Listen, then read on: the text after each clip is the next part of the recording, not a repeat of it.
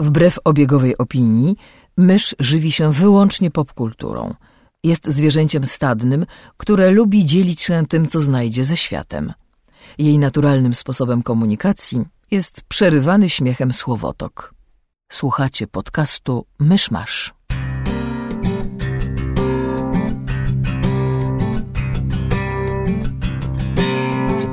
Gospodarzami podcastu Myszmasz są Krzysiek Ceran, redaktor portalu Avalon. Kamil Borek ze studia Kobart. i Mysz, autorka bloga Mysza Mówi. Drodzy słuchacze, jest poniedziałek 18 maja 2015 roku. Zapraszam do specjalnego wydania podcastu Myszmasz. W tym tygodniu nie mamy normalnego odcinka, jak ostrzegaliśmy, że może się zdarzyć, więc postanowiliśmy nagrać Wam coś innego. To jest z zupełnie innej beczki. Co słychać po tym, że brzmimy, jakbyśmy siedzieli w beczce. Tak, bo żeśmy cały dzień pracowali nad czymś i zobaczycie nad czym już niedługo. Niedługo w naszych kategoriach, Właśnie. do, Powiedzmy, że w przeciągu miesiąca. powiedzmy do przesilenia jesiennego, będzie bezpieczniej. Do świętego, na, na świętego nigdy będzie. Absolutnie. Kategorycznie, bezapelacyjnie. Mhm, tak. Więc w ramach e, odcinka specjalnego postanowiliśmy e, wreszcie zacząć odpowiadać na pytania, o które Was prosiliśmy w ramach e, konkursu na Myszmaszu. Dawno temu. Bardzo dawno temu. Teraz możemy sprawdzić, jak dawno temu. We wrześniu. Wow! Prawie rok. Jak ten czas leci? Gdzie to poszło? Co się stało? E, Więc w pierwszej kolejności em, odpowiemy oczywiście na pytanie, e, które zwyciężyło nasz konkurs. Pytanie od Judyty. Pytania. Py- tak, ale właściwie, po- ponieważ wszystkie właściwie pytania, które, które Judyta nam przysłała, nam się bardzo spodobały, bo można było przysłać więcej niż jedno pytanie, więcej niż jedno zgłoszenie, więc postanowiliśmy odpowiedzieć na wszystkie jej pytania w takim mm, dziwnym, nietypowym odcinku Myszmasza o wszystkim i o niczym. Głównie o niczym. Ja bym zaczął od ostatniego. Lecimy od końca. No, więc y, oto przed nami pytania od Judyty z bloga tylkosubiektywnie.pl. I zaczynamy od końca. A Czyli co? od pytania, jak myślicie, czy za kilka, kilkanaście lat internet i opcje takie jak Netflix zastąpią całkowicie telewizję? Jak widzicie taką przyszłość? E, nie, nie zastąpią. Znaczy, widzę rozwój Netflixu ogromny, oczywiście, ale telewizja już dziś jest skierowana raczej do ludzi, którzy są nieinternetowi i to się tak bardzo rozstraja, jakby nie wyobrażam sobie pełnego przejścia. Myślę, że zawsze będą ludzie, dla których po prostu wygodniej będzie usiąść przed pudełkiem, które coś im pokaże i oni nie, nie muszą myśleć, nie muszą szukać treści, tylko treść po prostu będzie im zapakowana w telewizji. Tak, Ale taki być może, że rozłam po prostu będzie, ta telewizja będzie dostarczana jakby takimi samymi kanałami jak Netflix, ale jednak są pewni, są ludzie, którzy nie szukają konkretnego serialu, nie szukają konkretnych historii, tylko po prostu, nie wiem, wracają z pracy, chcą sobie usiąść i coś obejrzeć. I po prostu może będą takie kanały, które sobie coś puszczają, puszczają jakby na bieżąco jakieś konkretne rzeczy, tylko no będą dostępne w internecie, bo na przykład już nie będzie się opłacało utrzymać infrastruktury telewizji, ale to jest też perspektywa kilku, dziesięciu pewnie lat, bo to nie sądzę, żeby to miało miejsce w ciągu najbliższych kilkunastu. Znaczy, Netflix już od pewnego czasu wpływa jakby na to, jak, a jakby na model telewizji, czy tego, jak, jak się ogląda seriale. Widać to chociażby po tym, że już niektóre stacje zaczynają ten model mm, w pewnym sensie adaptować na swoje potrzeby, bo teraz ostatnio poszła wieść, że chyba, żebym teraz nie skłamała, stacja NBC, CBS, która stacja, e, wypuszczająca serial Aquarius z Davidem Duchownym o em, śledztwie w sprawie Cherry'ego Mansona, em, będzie wypuszczony w całości od razu.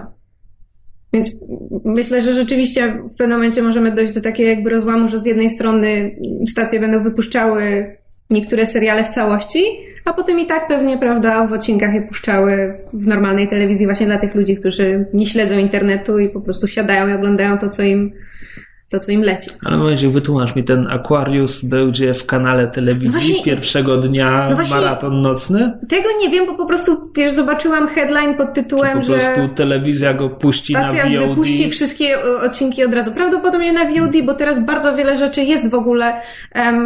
w, Polsce się o tym nie słyszy, natomiast w Stanach jest coraz częściej, że zwłaszcza filmy niezależne, tak jak kiedyś, prawda, musiały mieć jakieś screeningi na festiwalach i potem w e, kilku, kilku kinach, zazwyczaj studyjnych na terenie całych Stanów. Teraz bardzo często jest tak, że dane, dany film wychodzi jednocześnie e, w kinach, pojawia się na festiwalu, na video demand, VOD i można go też od razu kupić bardzo często na, na DVD, czy po prostu wersję cyfrową do, do ściągnięcia i do obejrzenia w domu. Co myślę, że też jest bardzo fajne i, i też sądzę, że będziemy w tę stronę dalej zmierzać. Ale też jestem zdania, że, że telewizja jednak będzie istniała, no bo są właśnie ci ludzie, którzy po prostu siadają i oglądają to, co im leci. Czy to, bo to nawet nie jest kwestia tego, co tam ludzie wolą, tylko po prostu już istnieją pewne struktury, które nie tak łatwo jest rozbić w ciągu kilkunastu lat i jakby, wiesz, będą się zapierać Telewizja rękami i nogami, żeby nic nie zmienić. Tak, no nie, ale nie tylko, no w ogóle. Nie no, w Stanach też wszyscy mają za złe mm, się ten boczą na Netflix i na właśnie wszelkie te nowe takie stacje i Tak, ten nowy model telewizji. HBO Go, które jest właśnie internetową usługą HBO, które jakby też pozwala na obejrzenie wszystkich, wszystkich programów HBO w internecie, było przez dłuższy czas dostępne tylko przy wykupieniu normalnego abonamentu na telewizję. Teraz tam już w Stanach można wykupić to HBO Go samo w sobie, ale no właśnie to, to, ten stan, że y, nie można było tego wykupić bez wykupienia abonamentu y, kablowego, no to był właśnie z powodów takich, że wszystkie inne stacje by po prostu y, nie chciały, żeby HBO to jest, coś takiego wprowadziło, no a jednak HBO jest w jakimś tam stopniu zależne od różnych politycznych układów i z, e, z tego, co się dzieje w normalnej tej naziemnej telewizji. I po prostu, no, i to są, to są takie rzeczy, które teoretycznie jakby, no, stworzenie takiego serwisu jak HBO Go nie powinno być problemem, no, ale nagle się okazuje, że no, ponieważ to wpływa też na y, model biznesowy wszystkich innych podmiotów na tym rynku, no to nagle się okazuje, że trzeba to jednak wziąć pod uwagę i te wszystkie zmiany zachodzą powoli i powoli. No, jakby nie mówimy, że to jest no, Oczywiście nie pochwalamy takiego stanu rzeczy, ale no tak to wygląda, więc to, to jest kwestia prawdopodobnie, no nie wiem, może kilkanaście lat, może jakby coś się rzeczywiście zmieniło, poprawiło, ale też jakoś wydaje mi się, że taka, taka telewizja tradycyjna Helikopter. jakąś rolę spełnia. Helikopter. Helikopter. Helikopter. To chyba odpowiedzieliśmy. Moving on. Tak. Pytanie numer cztery. Czy lubicie podróżować? W jakich miejscach na świecie byliście i jakie was najbardziej urzekły i gdzie byście chcieli pojechać jeszcze raz? A myślę, że mówię za nas wszystkich, kiedy powiem, że lubimy podróżować. Znaczy, ja do tego wprowadzę mini radę, ale jesteś naszym czołowym podróżnikiem, więc y, może wypowiedz się pierwszy. Nie no, czemu? Mogę się wypowiedzieć razem z Kamilem, bo trzy lata temu byliśmy, prawie trzy lata temu, byliśmy na wycieczce w Stanach Zjednoczonych, pięć tygodni w Ameryce i to było fantastyczne pięć tygodni. Nie odzywaj się do mnie. I a propos tego segmentu, gdzie chcielibyśmy y, wrócić, no to na pewno Ameryka. Zachodnie wybrzeże Nie. przynajmniej. Ja na pewno i to jeszcze jest sporo rzeczy, a na, nawet w tym, te trzy lata temu byliśmy na Wybrzeżu Wschodnim. Teraz wypadałoby odwiedzić e, zachodnie, ale ja bym chciał jeszcze wrócić do Nowego Orleanu i to najchętniej z myszą, bo to jest jej, to jest idealnie w jej klimatach i Nowy Orlean jest naprawdę niesamowitym miejscem i to jak to, i to, jak to miasto się zmienia e, między dniem a nocą jest po prostu nie do opisania. Tak, więc byliśmy w Nowym Jorku, w Nowym Orleanie, odrobinę na Florydzie. Trochę, trochę pojeździliśmy, było fantastycznie. To było fajne. To było fajne. No a ja mam za sobą Chiny w trzech wydaniach, czyli roczny pobyt, e, półtora miesięczny pobyt i jeszcze półtora miesięczny pobyt na Tajwanie. Tajwan też Chiny, przynajmniej według e, jednej z obowiązujących wykładni. Nie zagłębiajmy się w tę sprawę. I to było bardzo ciekawe przeżycie dawno temu, już w tym momencie, a które bardzo sobie cenię. I też e, poza tym, że tam uczyłem się języka i trochę pracowałem i tak dalej, i tak dalej, to sporo podróżowałem. E, I były bardzo fajne podróże z grupą przyjaciół. I były podróże, które były ciekawe, ale to jest taka refleksja, która się nagle dopada. Jesteś sam, siedzisz w jakimś paskudnym, robotniczym e, hotelu w obskurnym mieście w prowincji, której nazwy nie pamiętasz, i pytasz się, jak ja się tu znalazłem? I czy to na pewno był dobry pomysł? Kryzys egzystencjalny? Brzmi, brzmi jak tej czasami wstęp do jakiegoś odcinka serialu. Po prostu bohater siedzący w jakimś zapidziałym hotelu właśnie w prowincji o nazwie, której się nie da wymówić i tylko potem powinna być plansza trzy tygodnie wcześniej. Tak jest. Tak, no więc, więc mój rok w Chinach to był no, rok życia, więc podróże i, i ogólnie było bardzo fajnie i było czasami bardzo niefajnie i to się wszystko jakoś sumuje na bardzo ciekawe doświadczenie. Ja z kolei jakby lubię, znaczy lubię podróżowanie w tym sensie, że lubię jeździć w nowe miejsca i lubię jakby samo dojeżdżania do tych miejsc, czyli jakby sensu stricte podróż tam, nie wiem, w pociągu, samolocie, auto, autokarze, auto, autobusie, nie wiem, samochodzie, cokolwiek. Natomiast bardzo nie lubię wszystkiego, co jest przed podróżą. Wcale nie jestem wielką fanką zwiedzania, to znaczy, jeżeli ktoś mnie oprowadza albo ktoś mówi mi, idziemy zwiedzić to, to i to, jasne. Natomiast sama jestem zawsze na takich wyjazdach jak ten osiołek, któremu dano w żłobie i on umiera z głodu, bo nie umie podjąć decyzji. Ja mam dokładnie tak samo. I nie lubię wszystkiego, co jest po podróży. To znaczy dostaję tak zwanego Reisefiber przed podróżą i się strasznie stresuję, że coś się stanie, czegoś zapomnę, nie wiem, bilety, wyrzucą mnie z samolotu czy coś i bardzo nie lubię potem wrócić do domu i musieć się rozpakować, bo człowiek tak wraca i jedną nogą jest nadal tam, a drugą nogą jest w domu i tak właściwie to jest nigdzie.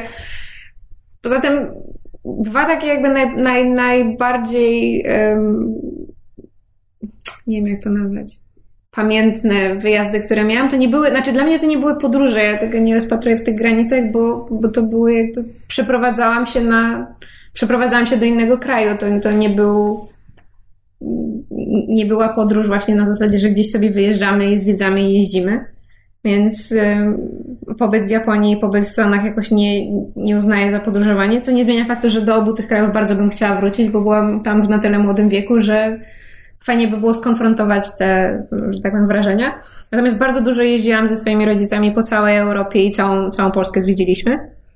I ze wszystkich krajów, które widziałam, to chyba najbardziej bym chciała wrócić do Norwegii. Norwegia jest absolutnie przepiękna i tak jak Kamil mówił, że Nowy Orlean to jest jakby miasto z niczym nieporównywalne, to dla mnie Norwegia jest absolutnie przecudowna i jakby nie da się, mam wrażenie, że nie da się słowami opisać e, klimatu i, i a na zdjęciach nie, nie widać tego zapierającego dech w piersiach piękna, którym, którym jakby jest Norwegia. Znaczy, Nowy Orlean był super, ale gdybym miał wskazać jedno miasto zagraniczne, w którym jestem absolutnie zakochany, to zawsze będzie Hongkong dla mnie. Jedno miasto. Wenecja, mimo wszystko. Tak klasycznie. Tak. Ewentualnie Kopenhaga. No proszę. Tak. Ale dlatego, że mam bardzo miłe wspomnienia z Kopenhagi, głównie to, że spędziłam cały dzień w Wesołym Miasteczku. W parku Tivoli. No. Ale za te stany nadal jestem zła. Nie, niczyja wina, ale smutno mi. Dobrze. To przechodzimy do następnego pytania. Tak, numer trzy. Ja czytam? Ja czytam. Warszawa to wasze miasto i również moje. Jestem bardzo ciekawa, jakie miejsca są waszymi ulubionymi. Którą dzielnicę lubicie najmniej, a którą najbardziej? Dlaczego mieszkacie właśnie w tym mieście i czy planujecie kiedyś z niego wyprowadzkę? Czy czujecie się warszawiakami? I co myślicie o temacie słoików? To może po kolei w dwóch, trzech zdaniach każdy. Eee, po kolei w dwóch, trzech zdaniach każdy? Znaczy najpierw na jedno pytanie wszyscy, potem przechodzimy no dalej. dobra. Eee, słoików bardzo lubię. Eee, słoiki zbudowały nam Warszawę po wojnie. Cały naród buduje swoją stolicę, więc jakby kompletnie nie rozumiem ewentualnego nie wiem, wydaje mi się, że to jest tak bardzo temat nakręcony przez prasę i media, że nie ma się czym Absolutnie się z tym zgadzam. To jest w ogóle jakaś kontrowersja wymyślona przez media i nigdy się normalnie z tym nie spotkałam. E, czy czuję się warszawiakiem? Tak, bardzo. Tu się urodziłem, tu się wychowałem. Tak jest. a tu spędziłem ten ca całe życie minus ten rok w Chinach. Co tu jeszcze było? Którą dzielnicę lubię najmniej, a którą najbardziej? Um, trudne pytanie. Tak naprawdę do wielu dzielnic nie zaglądam, bo mi tam zupełnie nie po drodze, więc powiedzmy jakieś targówki, Bemowa. Um, nie znam. No właśnie. Po prostu, po prostu tam nie bywam. Z dzielnic, które lubię, lubię Żoliborz. Żoliborz jest spoko. Lubię Śródmieście. Nie mam nic przeciwko Śródmieściu. Mm. Co jeszcze? Praga ma swoje dziwne uroki. Hmm. No właśnie, nie wiem, czy. Ja, właśnie, ja najbardziej lubię Pragę, jeśli traktujemy Pragę jako Pragę Północ i Pragę Południe, bo to jest właśnie takie. To jest tym wszystko. To są bardzo różne Pragi. No właśnie o to chodzi i, dlatego, i to mi się właśnie bardzo podoba. Bo to jednak, wiesz, przejście, przejście z Pragi Północ do, na Pragę Południe to jakby widzi się zupełnie różne rzeczy, choć klimat jest jakby w pewnym stopniu... E, Saska, kełpa, szmulki, to samo. Nie, jakieś... Nie, mam sentyment do Pragi, bo tam jednak spędziłem całe swoje dzieciństwo, że no, na Pradze Południe jednak ale tak, to jest, to jest, to jest chyba moja ulubiona dzielnica. No a jeśli muszę wybierać między Pragą Północ a Pragą Południe, no to jednak Pragę Południe, bo to, bo to jest moje dzieciństwo. A najmniej to lubię te, lubię chyba Włochy. Te, te, okolice, bo to taka... Czy to jest jeszcze w ogóle dzielnica Warszawy? Tak, oczywiście. Tak, tak jak Ursus. Bo to takie są takie dzielnice typowo sypialniane. Jakby nie mam nic przeciwko, no bo wiadomo, i tam ludzie, ludzie mieszkają i sobie bardzo cenią, ale, ale to jest takie typowo nowo wybudowane, właściwie jeszcze, jeszcze nie ma swojego charakteru. No, może w tym po prostu problem. Hmm, ja się zgadzam. Praga, Żoliborz, Śródmieście bardzo lubię, natomiast y, mimo wszystko największą sympatią darzę Mokotów, bo tutaj mieszkam, tu się wychowałam i tutaj się najlepiej czuję, tutaj jest dom. Tu jest jeszcze podpunkt o ulubionych miejscach w Warszawie. U, to mogę ja? Proszę Bo ja bardzo. mam dwa takie, które są jakby, one nie są, to nie są jakby miejsca, które, które bym, nie wiem, prawda, zaprowadziła jakichś, nie wiem, turystów czy kogoś oprowadzając po Warszawie, ale to są moje takie dwa małe ulubione zakątki. Jeden to jest um, w Parku Łazienkowskim za teatrem na wodzie. Mhm jest taka mała górka zalesiona mhm. i jak się wejdzie, jak się znajdzie mm, ten... Tam są ławeczki i pomnik poety. Tak, tam jak się za, znajdzie zarośniętą ścieżynkę, się wejdzie na tę górkę, to tam jest taki mały stawik, są ławeczki i jest strasznie fajne miejsce, właśnie takie osłonięte ze wszystkich stron, taka tajemnicza altanka. E, natomiast drugie miejsce jest, nawet to nie jest miejsce, to jest po prostu ściana mianowicie przy szpitalu Banacha, jak się wysiada na pętli tramwajowej i idzie w stronę Instytutu, oczywiście teraz zapomniałam jakiego, e, tego kompleksu instytutów naukowych e, tam właśnie przy, przy Banacha na Ochocie. Na tyłach szpitala, koło e, lądowiska helikopterów, na ścianie budynku, z niewiadomego dla mnie powodu, jest e, mozaika wschodu i zachodu słońca i księżyca bodajże. I po prostu, wiesz, jakieś, jakieś zupełnie tyły, jakaś, nie wiem, stołówka szpitala, czy, czy jakiś tam, nie wiem, chyba jest instytut y, farmacji, czy coś takiego i po prostu na ścianie, na ścianie budynku jest taka ogromna, ogromna kolorowa mozaika. Nie wiem dlaczego, ale zawsze, ponieważ tamtędy na skróty przechodzę właśnie z pętli, jak idę do, do instytutu, w którym pracowałam, w którym nadal załatwiam niektóre sprawy, to zawsze jak mijam tę mozaikę, to mi się robi wesoło. Takie głupotki. Nie wiem, pewnie, prawdopodobnie gdybym miał wybrać, to Park Skarszewski. No nawet nie wiem czemu, nie jestem w stanie powiedzieć. Po prostu jakiś mam bardzo duży sentyment do, do tego konkretnego parku, mimo że wcale nie jest najładniejszy, wcale nie jest jakoś yy, szczególny, mm, ale jakoś dobrze, dobrze się tam zawsze czułem. Jakoś nie, nie mam takiego, nie mam takiego sentymentu do miejsc, że w ogóle nie jestem jakby takim typem podróżnika, ani też jakby Znaczy, lubię i lubię się czasem zastanowić nad miastem, ale to e, równie dobrze właśnie może przyjść do mnie jakiś taki moment, e, że stwierdzam, że wow, jakie to miasto jest w sumie fajne. To równie dobrze przychodziły do mnie i w parku, jak i na kładce nad ulicą Sobieskiego, po prostu patrząc na jeżdżące samochody. I to jakby nie ma żadnego związku z konkretnym miejscem, tylko bardziej z tym właśnie, jak człowiek pomyśli właściwie, ile to kurna wymaga zachodu, żeby powstało takie miasto i żeby ludzie sobie tutaj w nim mieszkali, jeździli w tej i we w te. Jak się człowiek tak nad tym zamyśli, to... to...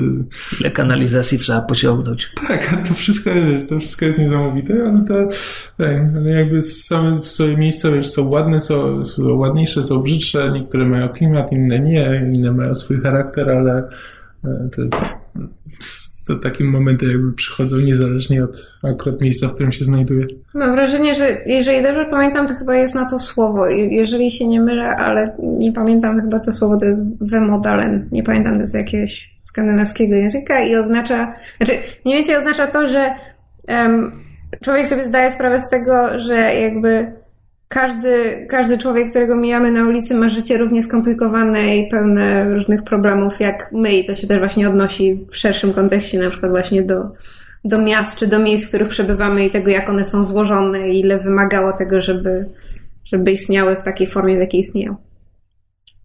Ciekawe. No. Tylko nie jestem pewna, czy to jest to słowo, czy mi się myli z, z innym pojęciem. Ale, i, i, ale na to, nie, ale na to, na to właśnie uczucie takie, znaczy na tę taką moment, kiedy sobie zdajemy nagle sprawę z tego, że, że cały świat jest bardzo skomplikowany, to, to jest na to jedno słowo w pewnym języku. No. Ja śledzę taki, taki kiedyś to był blog, a teraz jest też kanał na YouTubie, się nazywało The Dictionary of Obscure Sorrows. I tam właśnie są e, wymieniane słowa z, z różnych języków, które jakby nie mają odpowiedników w żadnym innym i które właśnie oznaczają bardzo często różne takie złożone, skomplikowane pojęcia. Bardzo fajna rzecz. Hmm. Moja odpowiedź na po, po, po, po, po, po, po, po, to, to, po, po, po, po, that's all, folks. Moja odpowiedź na ten podpunkt jest dość banalna, bo ja bardzo lubię te najbardziej turystyczne miejsca. Uwielbiam ogród łazienkowski. A bardzo lubię ogród na dachu Biblioteki UW. Uwielbiam.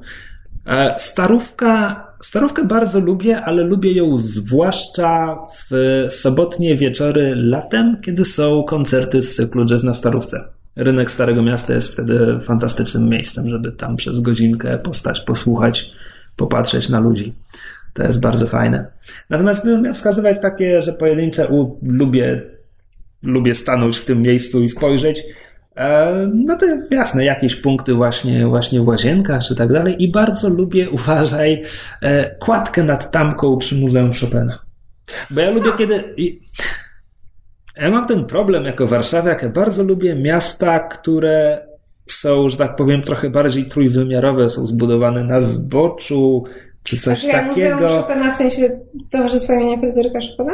No. A, dobrze. Nie, bo przez moment myślałam, że jakieś inne. No, tam w Pałacu Ostrowskich. Ostro... Tak. No właśnie. E, e, tak, więc ja bardzo lubię, że tak powiem, kiedy miasto ma jest też wzwyż, a Warszawa jest tak bardzo płaskim miastem, że poza skarpą e, nadwiślańską i nie wiem, tymi sztucznymi usypanymi górkami dwoma. Nie ma właśnie, różnicy poziomu w Warszawie. To mi przypomina, że jest jeszcze jedno fajne miejsce, czy fajne. Obiektywnie rzecz biorąc, nie ma w nim nic ciekawego. ale, Dobrze się zaczyna. E, ale bardzo lubię e, górkę na Służewiu.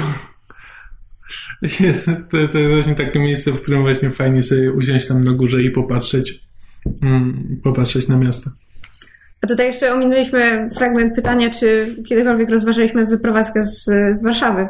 No, technicznie rzecz biorąc, wyprowadziłem się na rok. Ale wróciłeś. Ale wróciłem. Ja z kolei też mieszkałam poza Warszawą, jak, jak już mówiłam, nawet poza Polską, ale bardzo często właśnie dostaję pytania, czy chciałabym, znaczy mówiłam, chciałabym wrócić do Stanów i, i, i, pojeździć tam trochę, pobyć znowu, natomiast zawsze dostaję pytanie, czy chciałabym tam wrócić na stałe, przeprowadzić się na stałe nie, nie wyobrażam sobie życia gdziekolwiek poza, pomijam, że Polską, ale nawet poza Warszawą. Warszawa to jest właśnie mój dom, moje miasto i tu mi dobrze.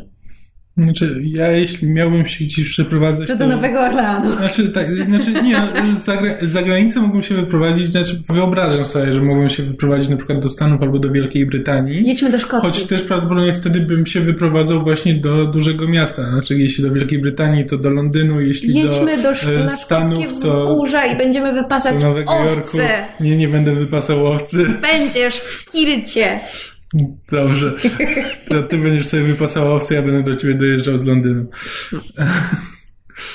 Mm, I bardzo, bardzo lubię duże miasta i jakby nie wyobrażam sobie życia poza, poza dużym miastem i tak samo. Jeśli, gdybym miał się wyprowadzić e, w ramach Polski, to nie wyobrażam sobie, że miał się wyprowadzić gdzieś indziej poza Warszawę. Kraków? A jeśli Może? chyba, że mu, miałbym się wyprowadzić do, w, za Wrocław granicę, podobno jest ale to wtedy właśnie, bo to jest zupełnie co innego. Jest fajny, ja jakby nie umniejszam, nie mówię, że inne miasta są gorsze, po prostu Tak bardzo masz. lubię Warszawę i tak, jeśli mam się z niej wyprowadzać, to, to rzeczywiście do jakiegoś innego miejsca, a nie po prostu do innego miasta w Polsce. Dobrze. Pytanie drugie. Co sądzicie o dzieciństwie i latach szkolnych? Jak duży mają wpływ na życie dorosłego człowieka? To oczywiście było, znaczy nie oczywiście, ale to było pytanie, y, które wygrało nasz konkurs ostatecznie. Co sądzimy o dzieciństwie? Jest przereklamowane. Seriously? Seriously? Nie, nie. Zależy o którym, w których fragmentach dzieciństwa mówimy, ale tak Nie, potrafi dzie- być. E, Od, od, od pierwszego wspomnienia licząc do powiedzmy mm, połowy gimnazjum, początku liceum? Spoko. Ja to uznaję za takie dzieciństwo i całe było spoko. Mam wrażenie, że przesiedziałem z nosem w książce większość tego okresu, więc mam wrażenie, że jakoś nie, nie interesowało mnie szczególnie. Nie, bardzo dużo pamiętam. Znaczy, nie pamiętam prawie w ogóle gimnazjum, which is pro- probably a good thing, natomiast jakby, Co ci tam zrobili? To jest bezpieczna przestrzeń. wiesz co, to, to, to była bardzo specyficzna szkoła, to znaczy na przykład em, chłopak z jakiejś równoległej klasy wypchnął kolegę z drugiego piętra przez okno, e, telefony, że jest bomba podłożona w szkole. W wypadku klasówki mieliśmy mniej więcej raz w tygodniu. Em, I naczelny, naczelny ten e, zawadiaka szkolny e, e, bronił mnie przed innymi e, chłopakami, kiedy, kiedy zaczęłam być chora i zaczęłam z sondą dorządkową przychodzić do, do szkoły, to, to wszyscy się ze mnie podśmiewali, że, że a, że patrzcie, idzie słonik, idzie płetwonurek i ten chłopak w pewnym momencie się za mną wstawił, przyparł jakiegoś innego chłopaka do ściany i powiedział, że jak jeszcze raz coś takiego powiesz, to dostaniesz pier. O, I skończyły się moje problemy. Tak, no ale to była taka, taka szkoła, trochę jak z e, e, Młodych Gniewnych. to było, tak, to było jedno z gorszych e, gimnazjum w mojej, że tak powiem, dzielnicy. E, Natomiast wcześniejsze wspomnienia mam, mam jakby bardzo dobre i w ogóle, znaczy, owszem, wiem, że patrzę na okres dzieciństwa z bardzo dużą nostalgią i przez zamglone, zaróżowione okulary, natomiast y, jakby nie wyobrażam sobie nie przywiązywać do dzieciństwa dużej wagi. Jakoś mm, nie. Jestem w stanie palcem pokazać momenty, które wywarły na mnie bardzo duży wpływ. Zresztą o nich mówiłam w gikowskich korzeniach, ale no. Tak, z tym się nie kłócę, jakby z wpływem na to, że to jakby ma potem konsekwencje, które tam jakoś powracają po wielu latach, to ma, ma, znaczy moim zdaniem tak. Że na przykład dzieciństwo jakoś tak, nie wiem, że, że wspominam jakoś tak słodko-gorzko. No z jednej strony było w, mam wiele dobrych wspomnień i bardzo dużo z, bardzo dużo przyjemnych, a z drugiej strony jakoś, ale to, to jest coś, co, coś, co mi do dziś zostało. Niby nigdy nie czułem się dobrze w, na przykład w dużych grupach ludzi, których nie znam, więc na przykład szkoła i tego typu rzeczy, to jakby ja się nigdy, nigdy nie czułem dobrze na przykład w szkole. Czułem się dobrze potem na przykład po szkole z różnymi znajomymi, z którymi sobie jakby już zdążyłem wyrobić e, jakąś tam zażyłość czy coś, to jak już się z kimś tam spotykałem potem w mniejszych grupkach, to, to bardzo przyjemnie, ale na przykład takie chodzenie do szkoły, i spotykanie się z znajomymi w szkole jakoś nie, niekoniecznie należało zawsze do przyjemności. Mam wrażenie, że tutaj może być klucz tego, jak bardzo różnie oceniamy nasze liceum, bo ja też mam problem z dużymi grupami ludzi, których nie znam, ale nasze liceum było mikroskopijne. Nasz mm. rocznik to było 60 osób i ja naprawdę miałem wrażenie, że może nie znam wszystkich, ale znam zdecydowaną większość. I dlatego czułem się tak. tam swobodnie. A liceum to w ogóle był jakiś taki dla mnie dziwny okres, w którym właściwie nie, nie, miałem ochoty się spotykać z nikim, kogo nie znałem wcześniej, więc jakby e, do, tak, do, dopiero nie wiem, dopiero potem bardziej na studiach zaczynałem się powoli otwierać też na inne osoby. A jakoś tak większość, większość dzieciństwa, większość liceum, to jakoś tak nie wiem. Zawsze się czułem nieswojo. Ale wiecie co, ja czasami tak mam, zwłaszcza oglądając seriale, w których jakby pojawiają się młodzi bohaterowie, czy, czy właśnie jakieś młodzieżowe wątki, bardzo często tak mam, że widzę jakąś scenę, na przykład, nie wiem, że, że ktoś, y, że, że ktoś jest ofiarą ten znęcania, albo że, nie wiem, dostał złą cenę na klasówce, albo że jest zakochany i ta osoba tego nie odzajemnia. Jakieś takie po prostu typowe właśnie problemy z, z lat y, dziecinnych czy, czy młodzieńczych. I mam takie przejmujące, znaczy ogarnia mnie takie bardzo silne wspomnienie mnie w tamtym wieku i tego, jak równie mocno te problemy przeżywałam i takie przejmująca ochota, żeby móc się cofnąć w czasie i móc powiedzieć sobie, że jakby że ja wiem, że to się tak nie wydaje, ale świat się na tym nie kończy. A jednocześnie wiem, że totalnie bym sama sobie nie uwierzyłam, bo przecież dokładnie to samo nam mówili nasi rodzice, że jakby pomijając, prawda, momenty, kiedy o, dostałaś jedynkę z klasówki, nu, nu, nu, to jakby właśnie zawsze było na zasadzie, że ojejku, ten, nie wiem, ten chłopak powiedział ci, że cię nie lubi, wiesz, będzie dobrze i tak dalej, znajdziesz kogoś. I jest jedna rzecz, w której wiem, że nie byłabym się w stanie cofnąć w czasie i przekonać samą siebie, że spokojnie to ci przejdzie, będzie lepiej. I tak a propos waszego e, mówienia, że, że jakby kiepsko się czuliście w, grupach, w dużych grupach ludzi, których nie znaliście, e, pierwszy dzień nowej szkoły. To jest coś, czego dzisiaj, znaczy dzisiaj nadal bardzo z bardzo dużym wahaniem podchodzę do nowych grup ludzi, bo znaczy, ci, którzy mnie spotykają, mogą się nie zorientować, ale ja w gruncie rzeczy jestem bardzo nieśmiała. Ja tylko jakby takim energią i, i, i takim e, bezpo, taką bezpośredniością po prostu to przykrywam. I każde właśnie wejście w nowe towarzystwo jest dla mnie strasznie dużym stresem. Ja zazwyczaj przez dłuższy czas jestem cicho i po prostu wszystkich obserwuję i rozgryzam i dopiero potem z marszu jakby wchodzę wchodzę w grupę, więc... Cicha woda? Tak, cicha woda, dokładnie. Więc nie sądzę, żebym była, żebym była w stanie się cofnąć w czasie, tak jak, prawda, niektóre są, nie wiem, filmy i seriale, gdzie ktoś się cofa w czasie, prawda, do,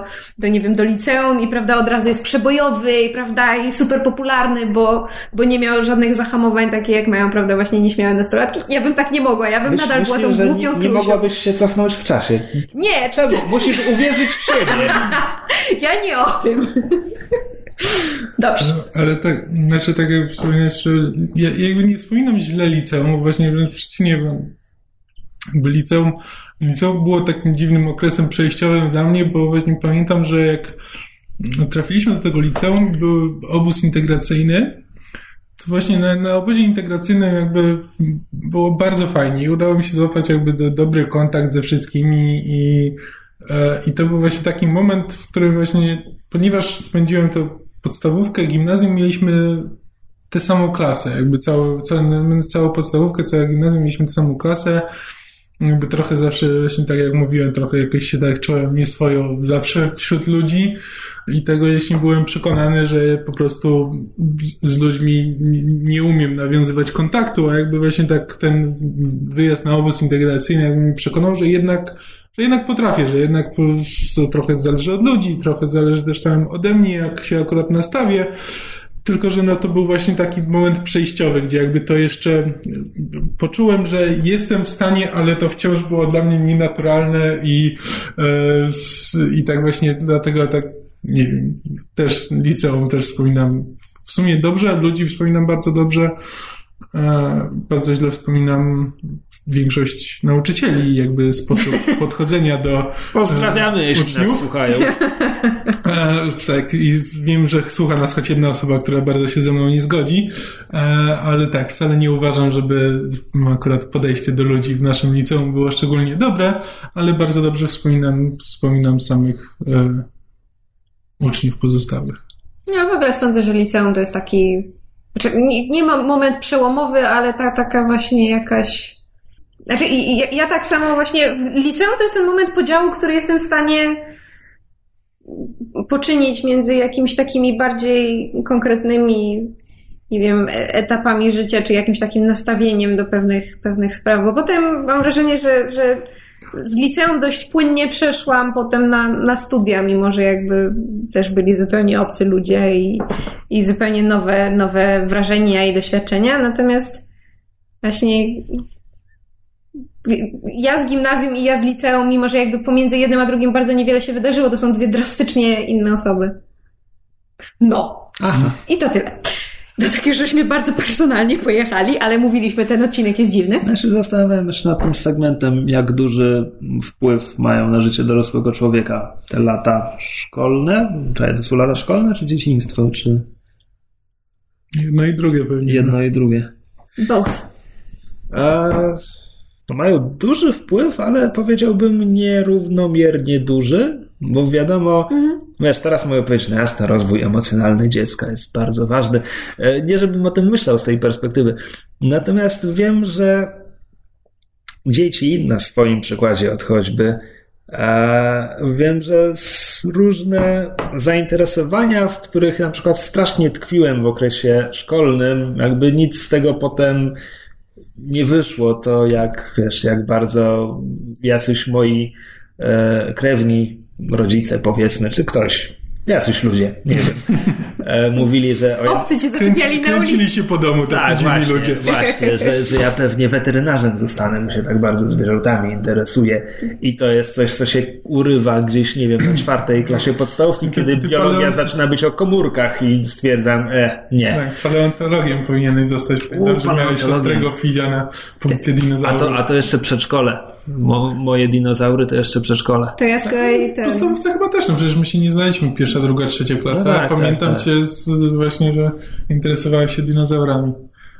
Wszystkim się interesowałem. Ale to musi być No nie, jakiś... samochodami nigdy, ale dinozaurami Musi być jasne. element wspólny, bo ja z kolei przez wiele, wiele lat się interesowałam starożytnym Egiptem do tego stopnia, że moi rodzice w ramach No. ogromnego prezentu mnie zabrali i archeologia to był kierunek, w którym chciałam pójść. A potem właśnie w e, gimnazjum i liceum, a propos kiepskich e, nauczycieli, miałam fantastyczne nauczycielki biologii i chemii.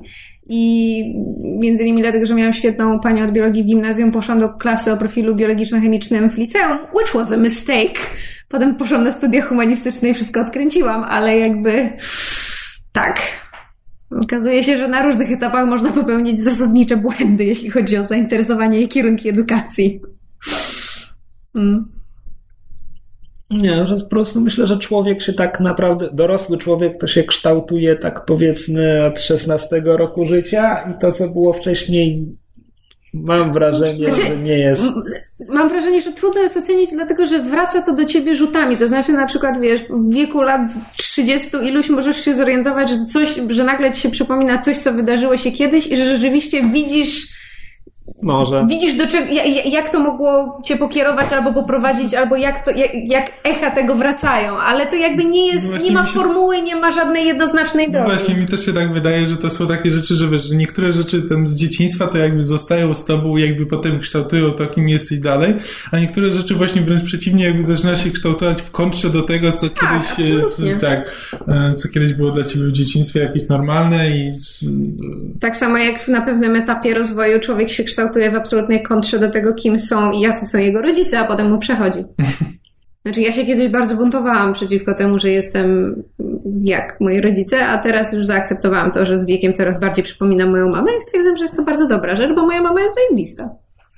Wiesz co, mój okres nastoletniego buntu to jeden kiepski poradek, więc ja z kolei miałam bardzo, bardzo opóźniony okres buntu i żeśmy go z mamą bardzo ostro e, obie przeżyły. Przedwczoraj. Niemalże, ale nie, naprawdę bardzo, bardzo późno. No ale wiesz, z moją chorobą też rozwój psychoemocjonalny miałam trochę przyspieszony i potem nadganiałam, więc to... E, nieważne. Dobrze, może skończmy. Może skończmy. Tak jest. I przechodzimy do pierwszego pytania. Kamilu, czym honor, honor, Honiory. Honiory. Nie wiem, czemu jest honiory i mam przed oczami wieprza. Ja też. Honiory mi się Honorowe, nie, honorowe maciory. Honiory. Co, co, coś z knurem chyba. Cztery nogi podobnie. dobre, dwie nogi złe. Cztery nogi dobre, dwie nogi złe. Kto wie, z czego to jest? No, folwark zwierzęcy. There you go. E, dobrze, pytanie pierwsze i ostatnie. Jak to się stało, że wasza trójka się zaprzyjaźniła i stworzyła razem podcast? Jaka jest historia waszej znajomości i czy od razu się polubiliście, czy był to dłuższy proces? No, Krzysiu, żebyśmy się od razu polubili. Czekaj, no chronologicznie trzeba zacząć. Bo Ale to historia... będzie bardzo długa historia. Nie, wcale nie. Historia... No, wasza się zaczyna bardzo wcześnie, a moja z kolei jest bardzo skomplikowana. No tak, tak, no ale chronologicznie trzeba zacząć na początku, tak? Tak, tak by wypadało. Na początku był chaos. Ojej. E, Więc my się z Kamilem znamy ze szkoły podstawowej, konkretnie z czwartej klasy, bo pierwsze trzy klasy to jest tam jakaś edukacja ogólna i potem od czwartej klasy były ociupinkę sprofilowane. Ja nie wiem, kto dobierał te klasy i na jakiej zasadzie, ale No, znaleźliśmy jakiś- się w tej samej. Jakiś tam był jeden chyba test. Bo... Chyba, chyba były na pewno w kontrze do klasy sportowej, w której nie byliśmy. Jakoś mnie to nie dziwi. E, nie, zdecydowanie nie byliśmy w klasie sportowej. A, Cicho, panie, och, nie, udo mnie boli, tak dawno nie ćwiczyłem.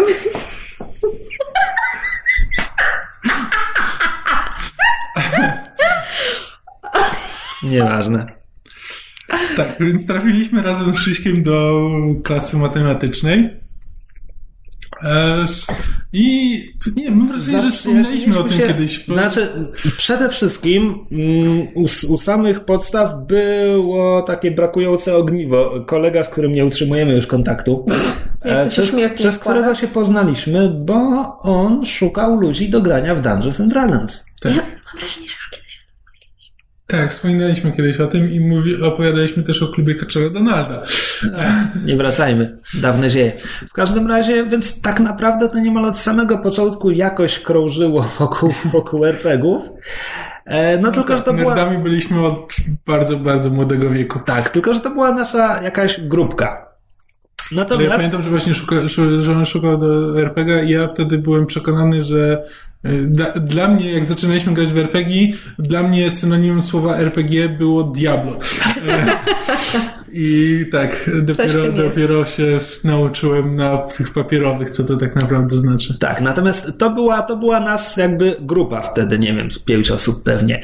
E, natomiast moja przyjaźń z Kamilem, i to już na pewno mówiliśmy kiedyś w podcaście, wzięła się między innymi, nie tylko dlatego, z tego, że Krzysiek mieszkał w Rymbertowie. tak, strasznie daleko, strasznie daleko i nie miałem komputera. Przynajmniej nie miałem dobrego komputera. E, Kamil mieszkał tuż koło szkoły i miał dobry komputer.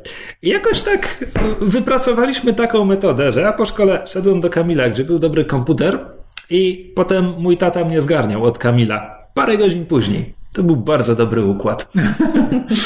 Tak, więc myśmy naprawdę przez wiele, wiele miesięcy jakby prawie, prawie codziennie Krzysiek przychodził właśnie albo graliśmy w coś razem, albo e, graliśmy na zmianę. W ten sposób właśnie e, Krzysiek widział całego Deus Exa zanim go przeszedł. Bo, Wciąż go nie przeszedłem. ale tak. A, E, A potem zaczęliśmy to uroz, urozmaicać i czasami nawet oglądaliśmy różne rzeczy. Pamiętam, jak oglądaliśmy Ghost in the Shell. I to Tak. mogło być jakieś moje pierwsze anime, na pewno pierwsze poważne anime. I oglądaliśmy je z jakiegoś zjechanego VHS-a. który był czarno-biały. Tak, oglądaliśmy Ghost in the Shell w wersji czarno-białej. Kolor pojawiał się tylko w kilku ujęciach. Tak, i Szczerze byliśmy przekonani, że to jest po prostu, że tak ma być, że tak, to jest nakręcone. I to jest Wybór takie głębokie. Tak. Tak, e, nie wiem, czy ja wspominałem, czy nie, bo to zresztą, zresztą ostatnio próbowałem obejrzeć Ghost in the Shell'a e, ten, od początku. E, Nie skończyłem w końcu, ale, ale ja zawsze byłem zafascynowany jakby cyberpunkiem, mimo że kiedy właśnie oglądaliśmy Ghost in the Shell, to ja kompletnie tego nie rozumiałem. Że ja kompletnie nie wiedziałem, co tam się dzieje i o co chodzi, ale byłem absolutnie zafascynowany jakby te- te- tematyką i motywami i stylistyką też. Tak, więc byliśmy razem w podstawówce, gimnazjum i liceum. A, Tak, no, I dopiero na studia poszliśmy inne. tak. A i tak rozmawiają ze sobą częściej niż ja z Kamilem. To tylko świadczy o twoim tak, związku. To po prostu nie wiem, co powiedzieć. Jak to, to co? No ja cię nazywam kochankiem. Ja, no Zresztą do, do, do naszych Słowa. rozmów to dojdziemy, to dojdziemy właśnie... Nie oddadzą głębi naszych uczuć i emocji, tak? Śmiertelnicy tego nie zrozumieją. E, tak, ale do, do, do, do naszych rozmów to dojdziemy, jak będziemy omawiali jakby przyczyny e, powstania podcastu. Tak, bo teraz trzeba przewinąć akcję o ładnych parę lat do przodu. Ja jestem w tym momencie w Chinach. Mnie tak. nie ma. Ja nie wiem, co się dzieje. Krzyśka nie ma na scenie, a ja tak sporo trzeba przewinąć w 2007. I to zresztą ten sam kolega, z którym już nie utrzymujemy kontaktu. E... Chodził ze mną na studia. Tak. I zaprosił był mnie e, i tam parę osób na karaoke. I poszłam na to karaoke i poznałam właśnie kilka osób z tamtego towarzystwa, w tym Kamila i Rafała, którego część słuchaczy może kojarzyć z... Sesji na podsłuchu. Tak, sesji na podsłuchu rozgrywki w Numenere. Um, I jakby może nie natychmiast znalazłam z grupą wspólny język, ale kiedy zeszło nam na um, stand-upy i, i na Robina Williamsa i na brytyjskich komików, to jakby odkryłam wspólny język. I potem w efekcie, znaczy w wyniku różnych perypetii y, zostałam dziewczyną Rafała. A z Kamilem moja przyjaźń się zaczęła i pamiętam dokładnie kiedy, mianowicie niedługo, y, niedługo potem byłam na szkoleniu BHP i byłam śmiertelnie znudzona, no bo kto chce słuchać o prawda, gaśnicach przeciwpożarowych. I wysłałam SMS-a o tej samej treści do dwóch osób, do, do, do, do Rafała i nie wiem skąd miałam numer Kamila. Skądś, skądś miałam, skądś miałam nie, twój numer. jakaś impreza, wcześniej jakby na jakiejś imprezie. Tak, coś, e, coś gdzieś żeśmy się wymienili, nie wiem, numerami i wysłałam SMS-a coś na zasadzie Jezus Maria, siedzę na szkoleniu BHP, nudzi mi się, zrób coś. I wysłałam to do Rafała, który już wówczas był tak jakby moim chłopakiem i stwierdziłam, że może coś wymyśli. I do Kamila trochę na zasadzie, a ciekawe co zrobi. I jedyną osobą, która mi odpisała, był Kamil i spędziliśmy następne, nie wiem, półtorej godziny SMS-ując o jakichś kompletnych bzdurach, jakieś w ogóle zupełnie randomowe rozmowy o, nie wiem, o, o doktorze Strange Love i bombie atomowej i, nie wiem, Hitlerze przykutym do kaloryfera i tańczącym kankana. Ja w ogóle, ja mam gdzieś zapisaną tę rozmowę, bo to było epickie. I od tego czasu zaczęliśmy rozmawiać i jakby w międzyczasie rozwoju, a potem rozpadu mojego związku z Rafałem, moja przyjaźń z Kamilem jakby trwała i rozmawialiśmy coraz częściej i dłużej i, i, i no i Long story short. Tak, bo ja, ja wracam, wracam z Chin w 2008 roku i to wtedy twój związek z Rafałem dogorywa chyba, ale poznaję cię jako dziewczynę Rafała jeszcze. Tak, bo ty tak. wróciłeś jakoś tak w wakacje, a myśmy się rozeszli... Początek sierpnia 2008. Tak, a myśmy się rozeszli w listopadzie. Aha. Tak, więc akurat trafiłeś na ostatnią prostą. E, no i ja jakby przyjaźniąc, znaczy będąc z Rafałem i, i, i jakby przyjaźniąc się z Kamilem tak czy inaczej byłam w tym towarzystwie chcesz czy nie chcesz, więc poznałam Krzyśka i na początku pamiętam, znaczy pamiętam, że ty zawsze byłeś, no bo Krzysiek jest w Chinach i pamiętam ten moment, kiedy, kiedy wróciłeś, ja tak strasznie chciałam zrobić na tobie dobre wrażenie, bo tyle, tyle mi wszyscy o Krzyśku naopowiadali, jaki to on nie jest. Tak, i nawet mysz chyba już planowała, że wiedziała, że ty się interesujesz X-Menami i tak, że ona będzie potem, z tobą rozmawiała o X-Menach. Wiele, wiele tygodni, jeśli nie miesięcy, jak zdarzało mi się na Krzyśka wpaść, ponieważ nie wiem, czy wiecie, ale Krzysiek jest taką trochę wycofaną osobą. Dość, może nie zamkniętą w sobie, ale stoicką. taką stoicką, tak. W związku z czym ja, żeby go jakoś rozruszać i żeby nie mieć wrażenia, że patrzy się na mnie i mnie ocenia, za każdym razem, kiedy z nim rozmawiałam, zadawałam mu pytania o X-Menów i słuchałam, jak do mnie mówił o komiksach. I jakby stąd się też chyba wziął segment pod tytułem Mysz się pyta o komiksy, bo ja nadal mam pytania. tak, i teraz możemy ładnym segwayem przejść do tego, skąd się wziął podcast. Tak, bo e, jak poszliśmy na studia, to tak jak powiedziałem, na, na studia poszliśmy e, różne. Krzysiek poszedł na dziennikarstwo, Ja poszedłem, wow, na, najpierw na SGH, potem na lingwistykę, potem z lingwistyki na anglistykę, e, ale w każdym razie byliśmy na zupełnie innych studiach. Więc jakby tak, no, utrzymywanie kontaktu to było, było jakoś tak utrudnione. Więc no, Krzysiek dzwonił e, i rozmawialiśmy, a jak już rozmawialiśmy, to tak nam schodziło zazwyczaj na takiej rozmowie, to przynajmniej 20, a czasami, e, czasami znaczy zazwyczaj ze 20 minut, a czasami no ja, godzina albo Ja byłam świadkiem rozmowy, która trwała godzinę i 5 minut. No. Zdarza się. E, I to był też moment, w którym ja odkryłem, ponieważ e, jakby pokochałem miłością wielką Johna Olivera z The Daily Show. Jakby od pierwszego jakby jego występu chyba z... Y, I, i jakby tak oglądałem jego występy w The Daily Show, potem sprawdziłem go na Wikipedii i znalazłem podcast The Bugle. I to był pierwszy podcast, jakiego kiedykolwiek słuchałem i byłem w nim zakochany. I właśnie z, zacząłem słuchać potem kolejnych podcastów. Po drodze zaraziłem, no chyba ja cię zaraziłem podcastami, tak, prawda? Tak, tak, zdecydowanie. No, więc e, zaraziłem Krzyśka tymi podcastami, on też zaczął słuchać, zaczął słuchać Bugla, którego też bardzo polubił.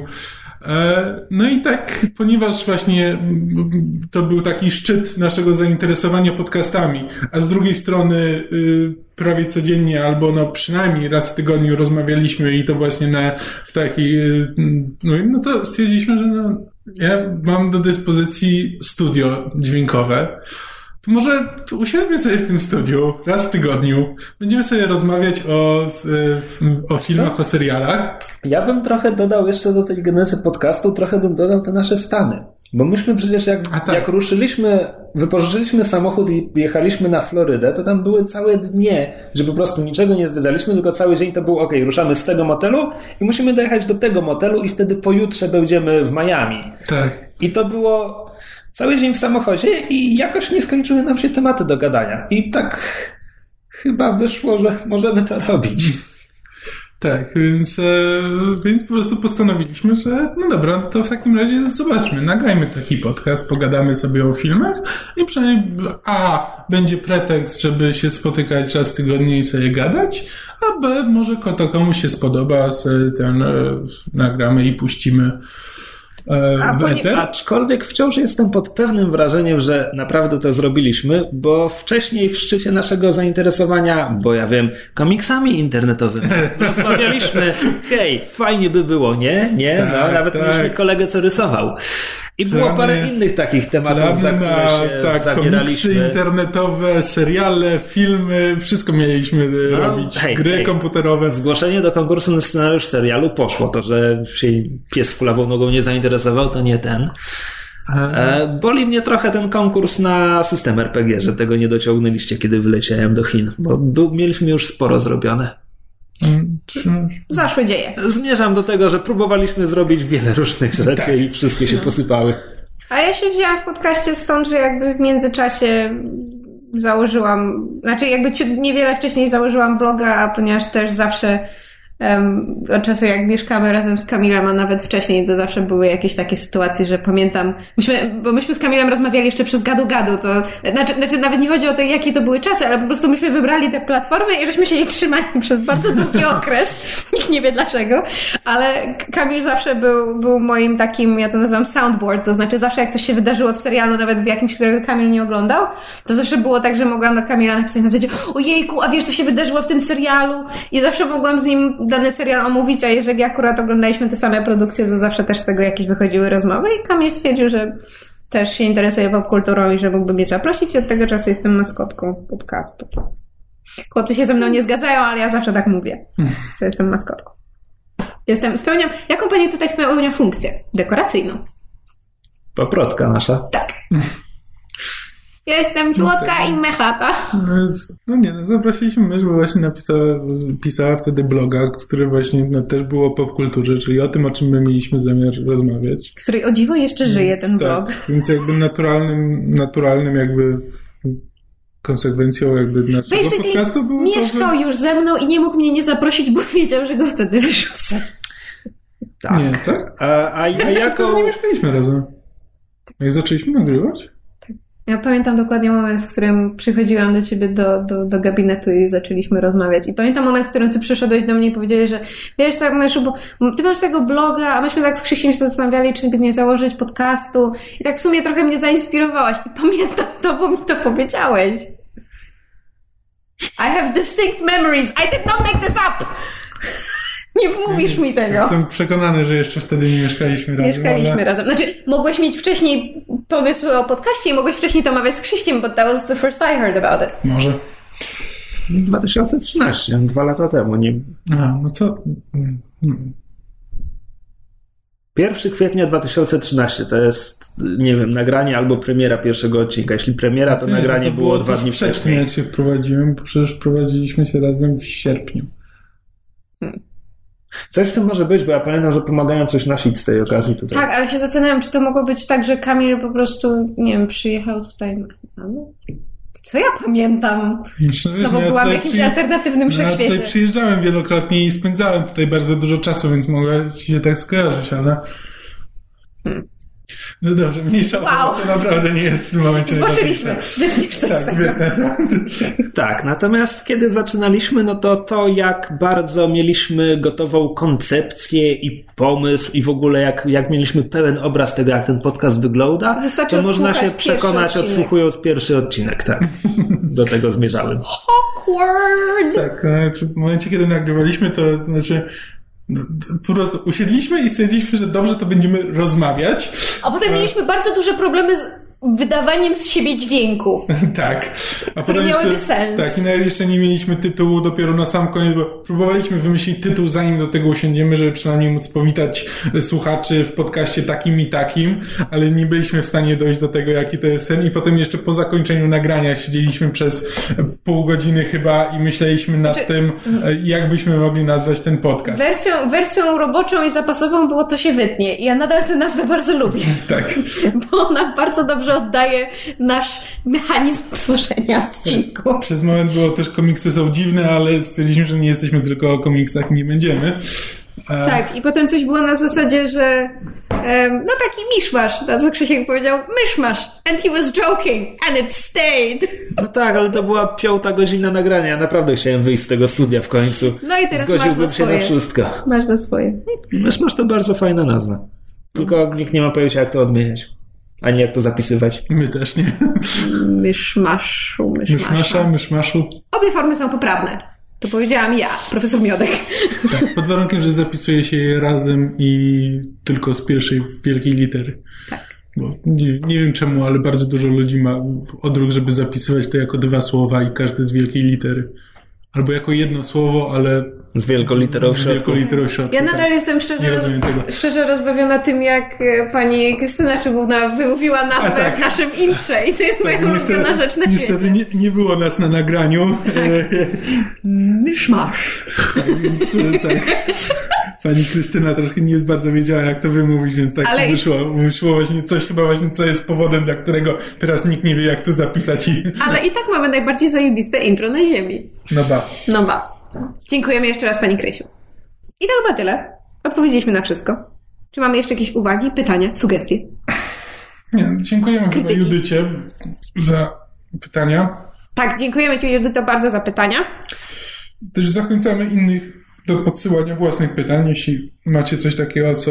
Technicznie rzecz biorąc, mamy jeszcze pełen zapasik na chwilę. Tak, no mamy, no, ale nie wiadomo na, na jak długo on starczy, szczególnie jeśli będziemy rzeczywiście tak przechodzić przez pięć tematów e, na odcinek. E, Zobaczymy. Ale tak, jeśli macie coś, co nie jest jakby związane bezpośrednio z popkulturą, o czym myślicie, że chcielibyście nas posłuchać, to Przesłajcie Piszcie. nam na maila. Tak jest.